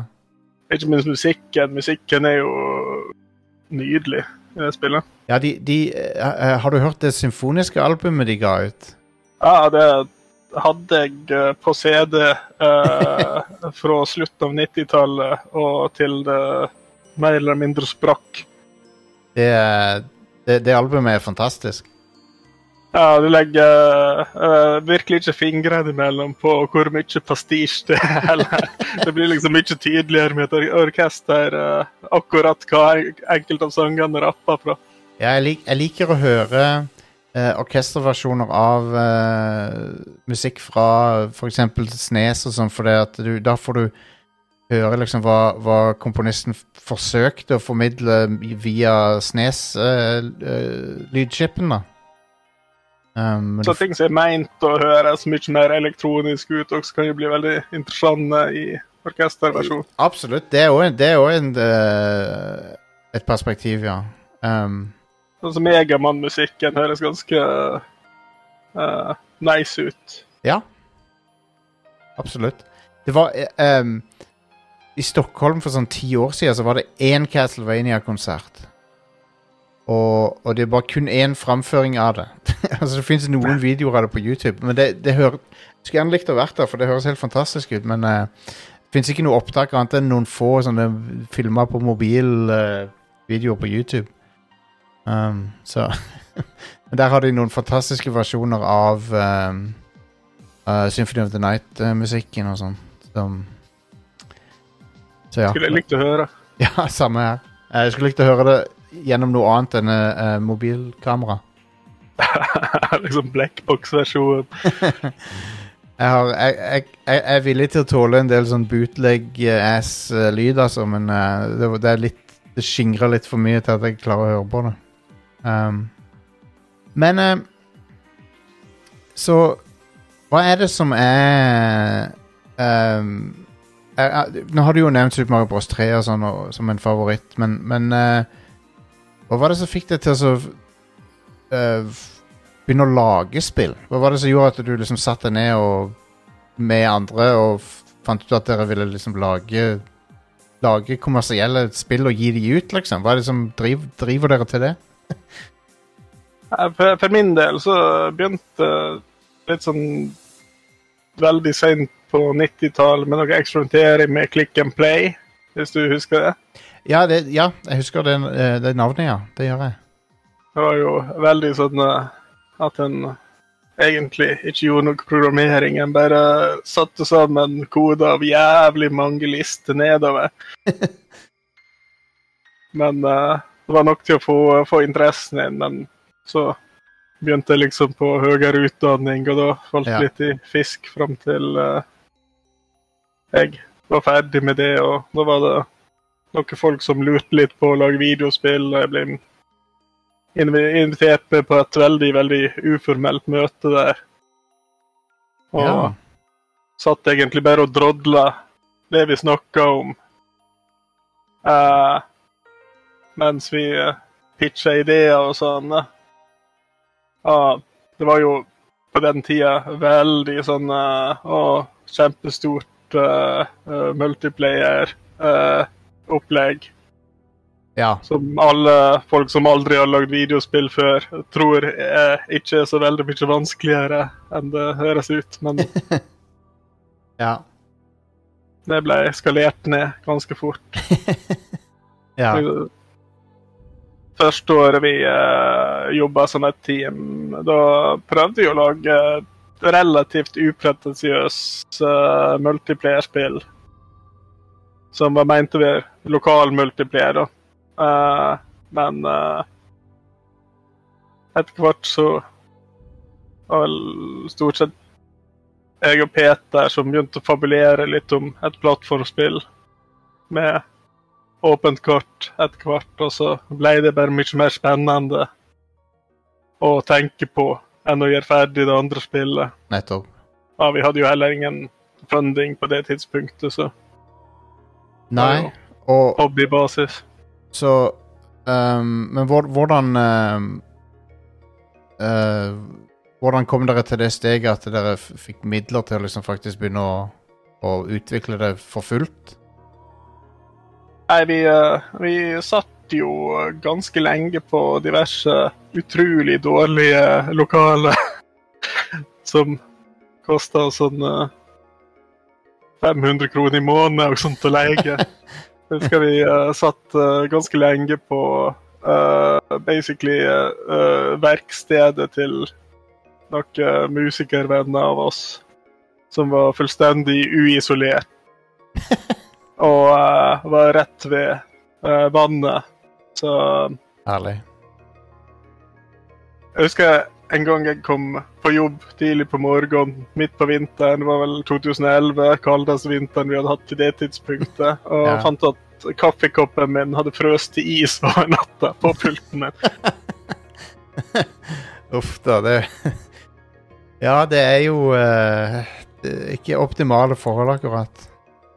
Vi pleide å sitte med tallerkener med telys uh, mellom hendene uh, når vi satt og tasta på tastaturet, bare for å holde varmen oppe. Det høres ut, som noe ut av en uh, Dickens-roman, liksom. Sitter og utvikler spill eh, på de, Dere satt på og utvikla spill på 1800-tallet? Ja, det, det høres veldig sånn uh, bestefar forteller ut, dette her, men uh, Men det, liksom uh, det det, det, var ikke lett å få, uh, få støtte på den tida. Det er det jo fortsatt ikke når en er fersk, for å si det sånn. Men Og det er jo Det, er jo, det har jeg jo inntrykk av er en uh, Norge er litt i sånn uh, særstilling, sånn uh, i negativ forstand der med at um, Det er ikke den store investorviljen her. nei, han er- litt avhengig av uh, Filmfondet, rett og slett, til, Ja. til å begynne med der, for å bare få sjansen til å fullføre et prosjekt. Ja. Men samtidig så er det ikke så lett å få støtte hvis en ikke allerede har et prosjekt, eller iallfall noe som åpenbart har blitt jobba lenge nok på til at det kan eh, fullføres. Nei. Um, Så det er litt sånn uh, vanskelig inngangsport her i landet. Ja. Ja, det, det har vært mitt, mitt eh, inntrykk også. Um, at det liksom ikke Og så har vi jo Vi har jo en uh, gigant som uh, eh, Funcom, som har i hvert fall vært regna som norsk. Jeg vet ikke hvor, hvor norske de fremdeles regnes som, men Jeg tror jeg sjøl regner seg som norske fortsatt, iallfall. Så ja. Um, men utover det så har vi ikke hatt de sånn store utviklerne her. altså, men Funcom går jo veldig langt tilbake. Det gjør de. Det gjør de. Og uh, det er jo litt, uh, det er litt artig at de var ehm, ganske, ganske tungt inni eh, det, det som på den tida var min favorittsjanger, som er sånn adventure-spill. um, de lagde en av de En klassiker i den sjangeren. Det er litt artig. Ja, Det fylte vel 30 år. Mm. Det Fortsatt er, fascinert av disse her, uh, veldig tidlige spillene der, uh, sånn som uh, Pocahontas-spillet. stemmer.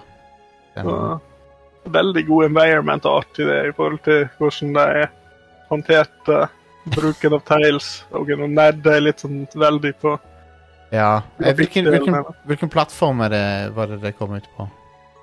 Uh, Nå husker jeg ikke om det var Megadrive eller Super Nintendo eller begge deler.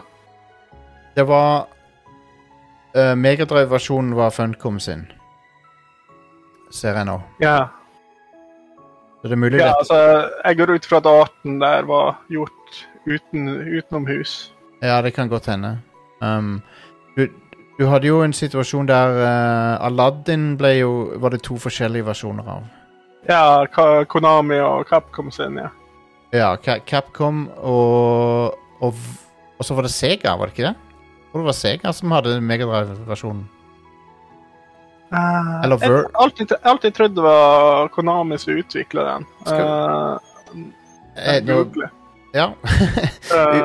Uansett så, så det, på, på den uh, Megadrive-versjonen så hadde de Disney-animatører med seg som gjorde animasjonene.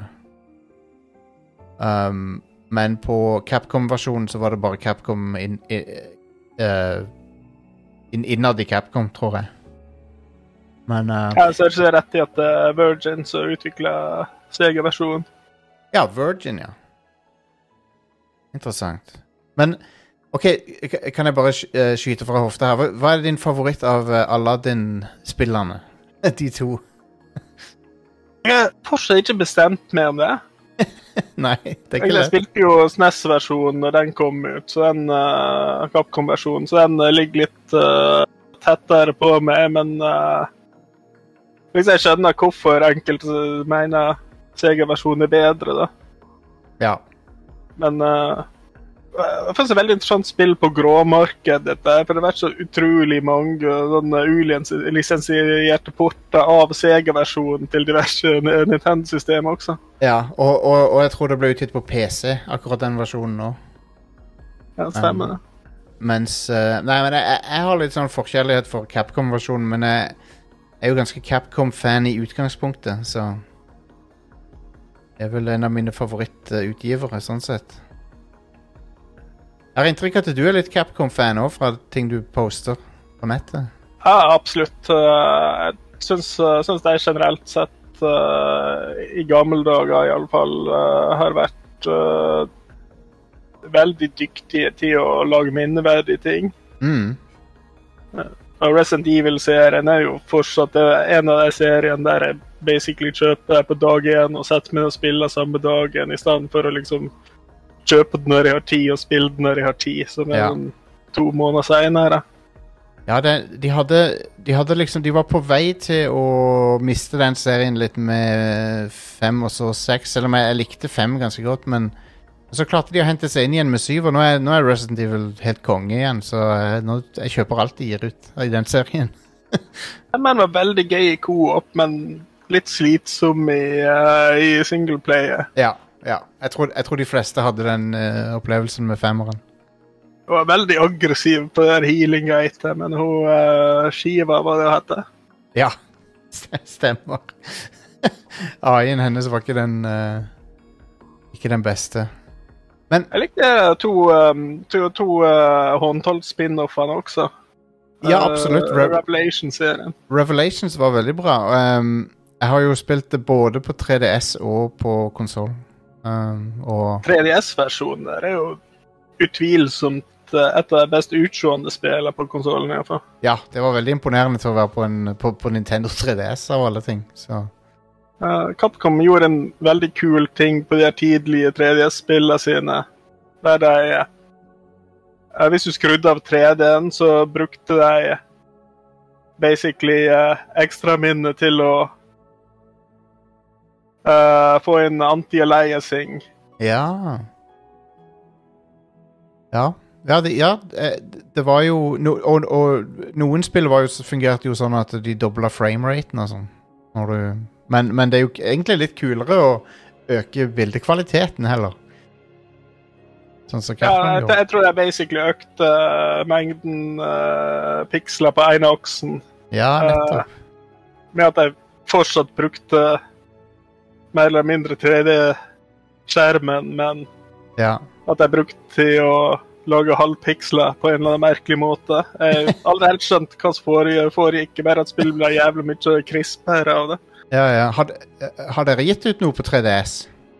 Nei, vi uh, hadde et DevKit uh, en god stund, uh, og drev og uh, pusla litt grann med å se om vi kunne få ut Tesla-grad på det.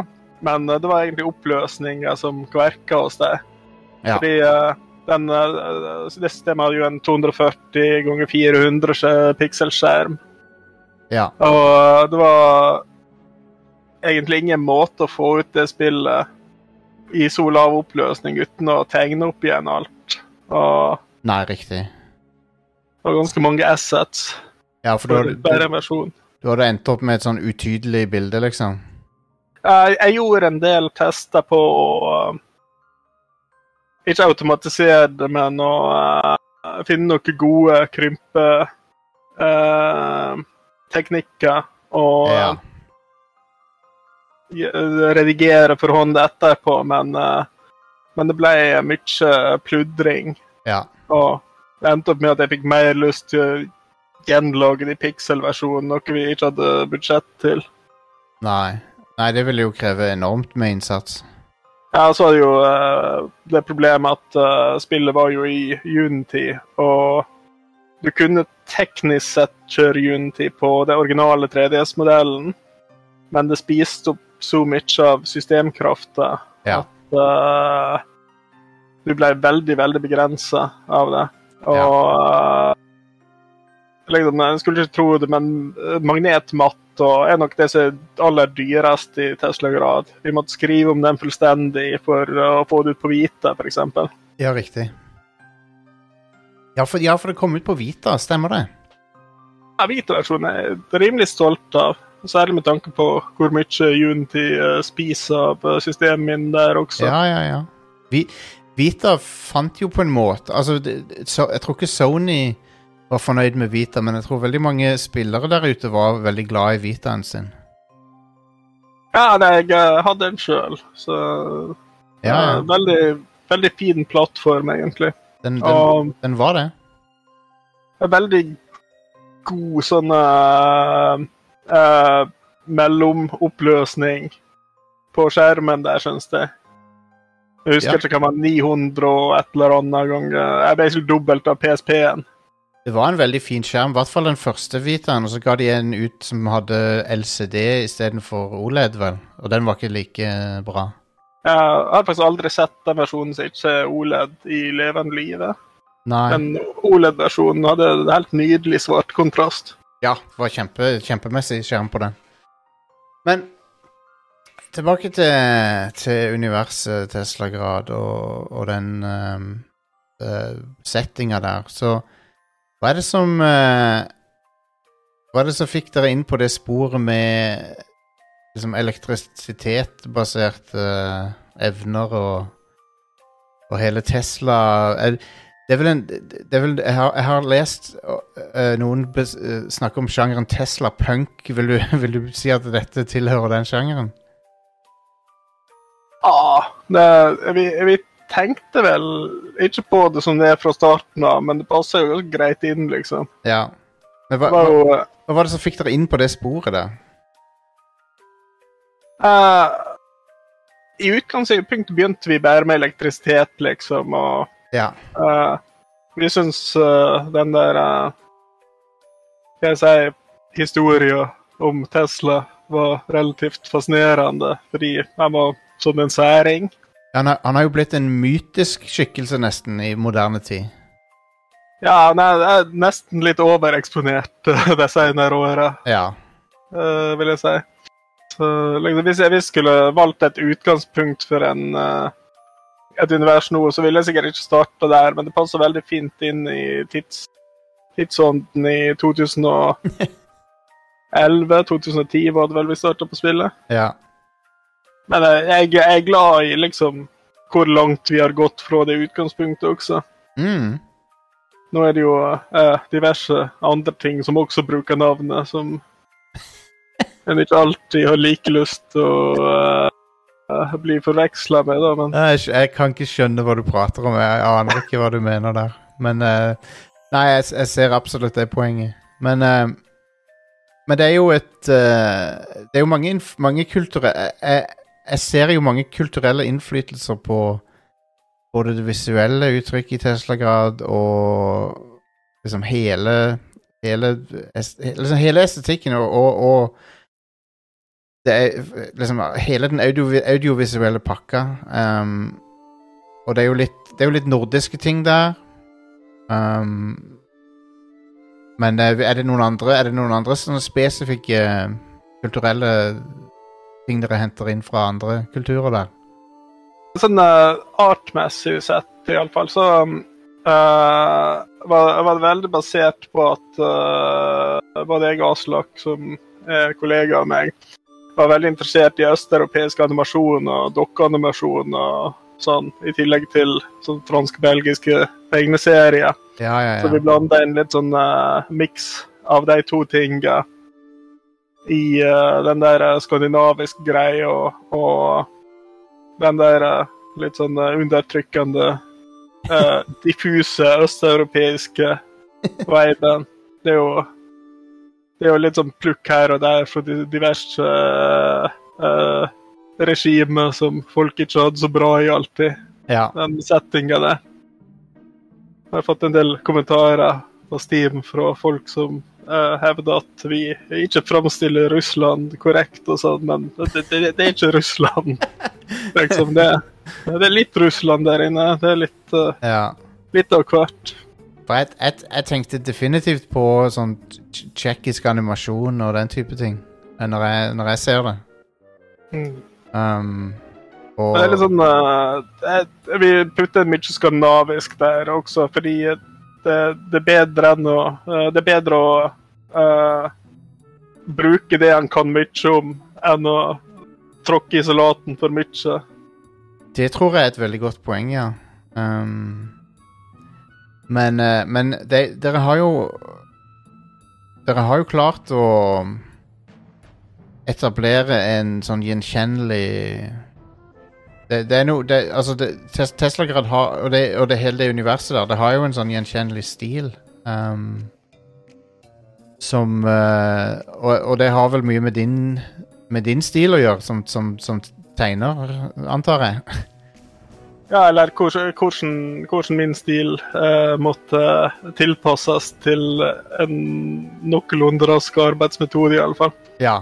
ja. Altså, grunnen til at vi har sånn perleøye på karakterene, f.eks., i stedet for mer detaljerte øyne, det er at eh, det er lettere å lese hvilken som helst uh, følelse inni deg, så han slipper, slipper å lage flere variasjoner til ulike kontekster. Det er en veldig uh, Det er veldig interessant at du sier det. Det var jo på mange måter litt sånn som de måtte operere på i, i eh, 8-bit Sprite-dagene, det. Mm. Um, der du, du liksom måtte kommunisere mye med lite. Um, Ja, vi, vi driver på med, med et annet spill også nå, som er en uh, adaptasjon av en tegneserie som heter Girl Genius. ja, Og, stemmer. Jeg så, jeg så eh, artworket der. og der må jo uh, eh, hva jeg si, figurene matche eh, den eksisterende artworken. Og det er jo mye mer arbeid å jobbe med de øynene Ja. enn det å jobbe med de uh, museøynene. Ja, um, så um, Avataren din på sosiale medier Det er en slags uh, hybrid av de- deg sjøl og Vario. Nei, det er egentlig bare meg, eh, men uh, jeg er jo en hybrid av meg sjøl og Vario. For du har jo Vario-nesa på karakteren der, og så har du Vario-barten. Er, er, er du fan av Vario? Ja, det er en hyggelig kar. ja, han er det. Han, han, jeg tror han mener godt. Han er ikke Han er, ikke en, han er, han er en antagonist, men han er ikke ond.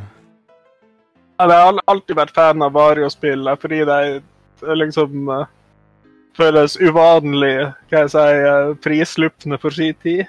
De var jo mer eller mindre lagd eh, som en protest fra det utviklingsteamet som lagde dem.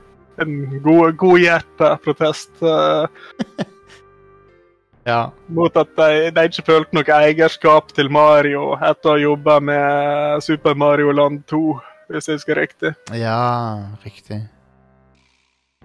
Jo- Selve Mario er jo en karikatur mer eller mindre av uh, Kiyotake, er det vel han heter. Karakterdesigneren. Aha. Ja. Det var jeg ikke klar over, faktisk. Men Han, han som fant opp Samus også, eller Å ja. tegna Samus. Artig. Men han, han eh, eh, WarioWare er jo Det er jo Nintendo på sitt mest eksperimentelle. Føler jeg. Ja, det er som et sketsjeshow i spillformat, nesten. Ja. Det, det, det er egentlig ganske geniale spill, det der. Eh, det er ikke, ikke, alle, ikke alle har vært ti av ti, men, men de er alltid interessante. Og um, det, det er WarioWare, og så syns jeg Rhythm Heaven er ganske Ganske spennende sånn eh, når det gjelder sånn, Det er ganske langt utenfor det Nintendo vanligvis produserer. Ja, det er helt sant. Um, har Tingle spiller på DS også. Ja. Det var vel outsourcet til en viss del med grad, men uh, Men de også var jo veldig, veldig utafor vanlige rammene. Ja, absolutt. Absolutt, og de har ikke laga noe tingle på evigheter, så gudene vet om han kommer tilbake noen gang. Men uh, han er jo en artig Gleder deg ut som han i nyere Zelda-spill, i det minste. Det kan du.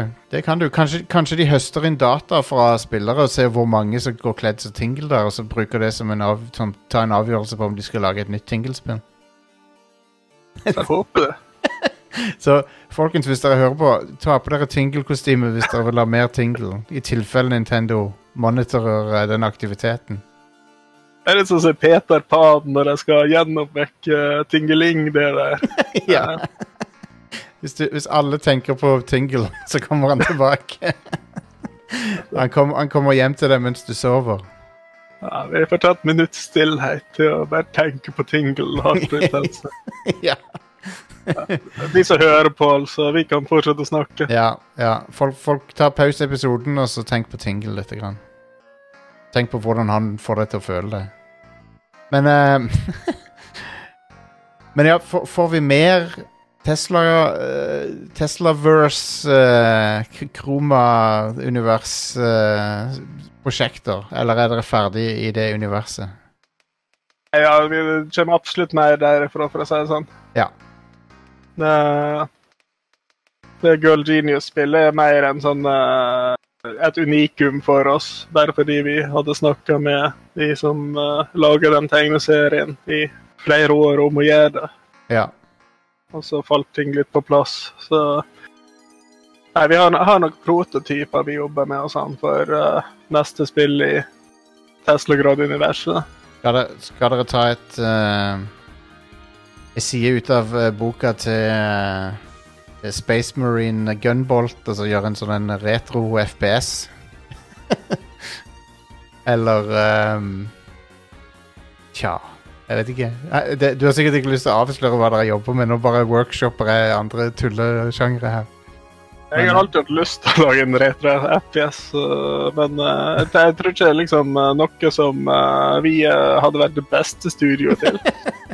Det er liksom litt utafor de ekspertområdene våre. ja, ja. Det er jo litt artig at den sjangeren har gjort et comeback.